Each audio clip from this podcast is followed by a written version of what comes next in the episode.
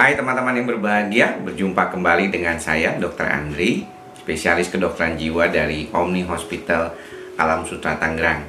Di kesempatan kali ini saya ingin berbincang kepada teman-teman yang mungkin belum punya pasangan atau juga sudah punya pasangan atau mungkin juga sudah menikah lama berkaitan dengan suatu buku yang saya baca berkaitan tentang intimacy.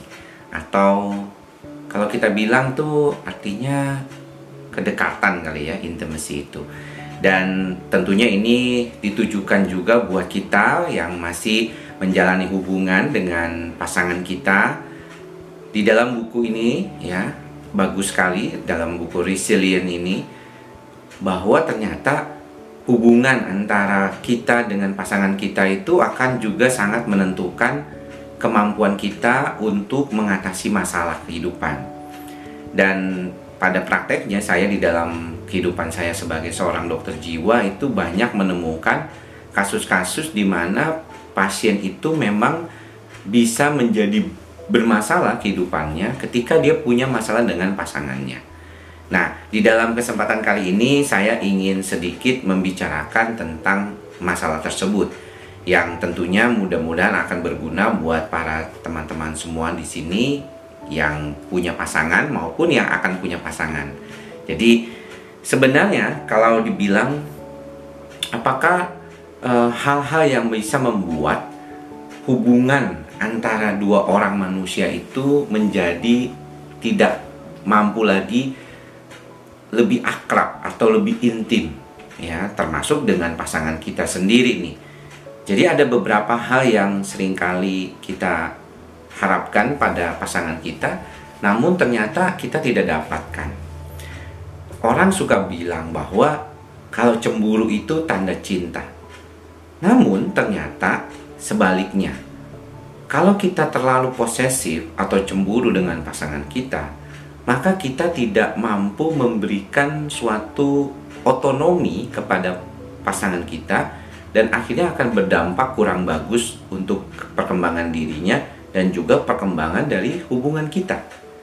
Nah, hal-hal inilah yang mungkin harus diperhatikan. Selama ini kita bicara tentang hubungan antara dua manusia, pasangan hidup kita ataupun pacar kita, itu sering kali kita menyempatkan diri untuk selalu berada pada diri dia terus. Ataupun menempel terus misalnya seperti itu. Tetapi ternyata ada hal-hal yang tidak selalu dianggap seperti itu bisa membuat malah lebih akrab atau lebih erat. Bahkan dikatakan bahwa autonomi itu atau otonomi itu itu selaras dengan intimacy jadi ketika kita membiarkan pasangan kita itu lebih mandiri, lebih mampu untuk mengambil keputusan hidupnya sendiri, itu malah akan membuat dia jauh lebih bisa akrab dengan diri kita. Selama ini kan sering kali kita takut kalau misalnya pasangan kita itu terlalu otonomi atau terlalu mandiri, ya kita khawatir dia akan meninggalkan kita.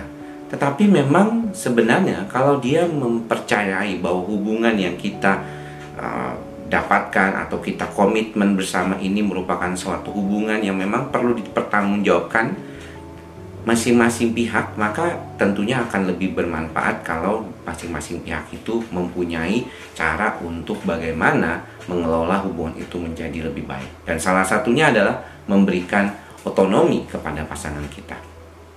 Nah, bagaimana supaya kita melihat secara clear seperti apa sih orang-orang yang mungkin tidak bisa memberikan otonomi kepada pasangannya dan akhirnya membuat intimacy atau kelekatan atau kedekatan hubungan itu menjadi terganggu.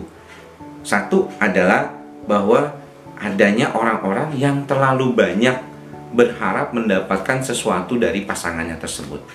Jadi kalau misalnya kita punya pasangan tetapi pasangan kita ini kita harapkan selalu memberikan sesuatu kepada kita. Atau kita tuh pamrih. Misalnya kalau aku kasih kamu segini kamu harus kasih aku segini dong. Bukan hanya materi tetapi yang non materi pun yang agak susah diukur itu pun sering kali diperhitungkan seperti itu maka akan sulit. Karena bagaimanapun kalau kita semuanya pamrih, kemudian juga mengharapkan sesuatu, banyak mengharapkan sesuatu, kebanyakan nanti akan kecewa. Saya mengingatkan kepada teman-teman semua bahwa dasar dari depresi pada kondisi tertentu secara plastik dikatakan bahwa itu berhubungan dengan adanya harapan yang tidak terpenuhi. Jadi kalau kita banyak berharap, tidak heran kita akan banyak kecewa seperti itu. Jadi kalau bicara tentang pengharapan, kita terlalu banyak berharap terhadap pasangan kita juga sebenarnya tidak terlalu baik. Tentunya akan membuat masalah sendiri di dalam konteks hubungan kita. Yang kedua adalah yang sering marah dengan pasangannya. Jadi kalau misalnya kita pengen akrab atau kita pengen uh, secara uh, punya kelekatan mesra lah dengan pasangan kita, maka sebaiknya kita jangan terlalu sering marah dengan pasangan kita. Walaupun katanya kalau berantem itu nanti akan lebih mesra dan nggak mungkin nggak berantem, tapi saya pikir ada baiknya kita membatasi hal-hal tersebut.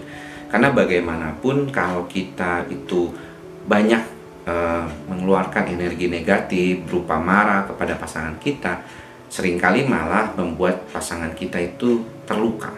Dan luka yang ada di hatinya itu mungkin tidak mampu atau tidak segera bisa lepas, bahkan teringat-ingat selalu. Jadi nggak heran kalau ada teman uh, punya pasangan itu kalau dia berantem gitu ya sering kali mengingat-ingat apa yang pernah dilakukan oleh pasangannya atau bahkan saat tidak berantem pun. Jadi ada baiknya memang kita tidak sering marah kepada pasangan kita ya. Bicarakan baik-baik, jangan sampai mengeluarkan energi negatif berupa marah tersebut. Oke. Lalu yang ketiga adalah pasangan yang selalu mencoba untuk mem apa, mempengaruhi atau memaksa pasangannya untuk berbuat sesuatu sesuai kehendaknya. Ini juga yang akan bisa membuat kemesraan menjadi berkurang ya karena otonomi dari orang tersebut menjadi berkurang. Jadi kalau kita bicara tentang kalau kita berharap sesuatu seperti tadi terlalu banyak, ya kita juga akan mendapatkan banyak kekecewaan. Yang ketiga ada tadi, kalau kita selalu pengen banget mempengaruhi pasangan kita, pengen mempengaruhi pasangan kita, pingin e, memaksa pasangan kita. Jadi membuat orang itu jadinya nggak punya kemampuan untuk memilih sendiri ya. Pasangan kita kalau misalnya apa-apa semuanya maunya dipilihin sama kita semuanya um, sesuai dengan maunya kita kita banyak memaksa ya pushing him or her too much gitu ya. Itu juga akan menjadi masalah kemesraan akan hilang karena otonomi dari orang tersebut tidak ada lagi gitu ya. Jadi terserah pasangannya.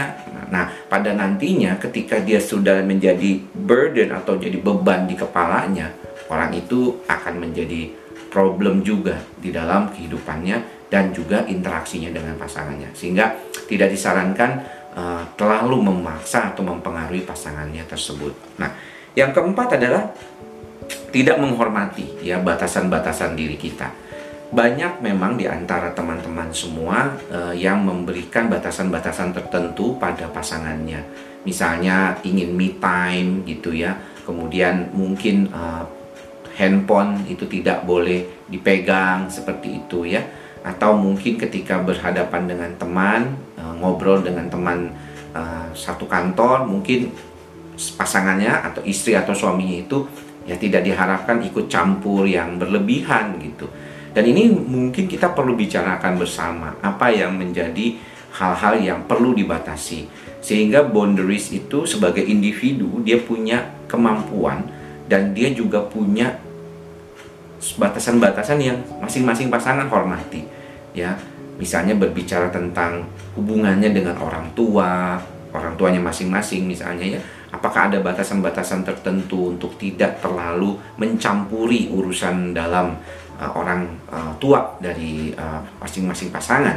Atau mungkin juga uh, menghormati bahwa misalnya orang tua jangan terlalu banyak mencampuri urusan uh, pernikahan atau pasangan itu sendiri gitu. Jadi kita yang membuat batasan dan batasan itu disetujui bersama. Ya, sering kali ada beberapa orang yang mungkin berharap privasi tertentu tetap dijaga walaupun sudah menikah. Ya, saya lihat ada beberapa pasangan yang tetap misalnya kalau misalnya mau buka handphone pasangannya itu harus atas izin.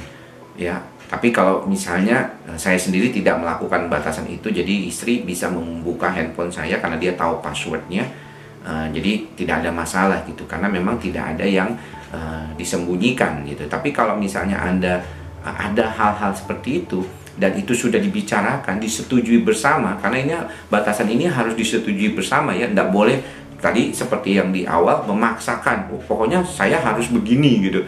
Saya maunya begini gitu. Nggak boleh ya harus harus punya komitmen yang pas gitu yang berkaitan dengan ini. Karena kalau enggak nanti jadi berantem ya yang satu kepengennya boundariesnya seperti ini yang satu kepengennya seperti ini gitu ini tidak disarankan kalau memang demikian jadi harus ada kesepakatan ya komitmen bersama berkaitan dengan batasan-batasan yang harus dihormati antara satu dengan yang lainnya oke? Lalu yang terakhir adalah berupaya untuk selalu mendominasi atau mengontrol diri pasangannya. Kalau kita ingin menetapkan sesuatu hal, mungkin tadi sudah ada komitmen bersama. Tetapi kalau kita selalu ingin mengontrol semuanya, pokoknya kamu harus begini, model rambut harus begini, kamu harus ke sini, harus ke sana gitu. Dikontrol semuanya, maka sense of otonominya akan hilang dan kemesraan ini malah tidak akan terjadi. Ya, jadi ada hal-hal kalau kita berbicara tentang kondisi otonomi dari kehidupan manusia, sebenarnya sense otonomi itu sudah dimulai pada usia-usia 4 tahun sampai usia 12 tahun.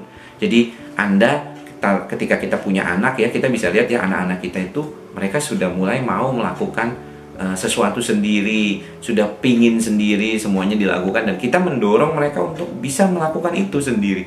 Karena di antara ketakutan kita, tapi kita juga harus memberikan ya, memberikan mereka semangat untuk bisa uh, mau melakukan sesuatu.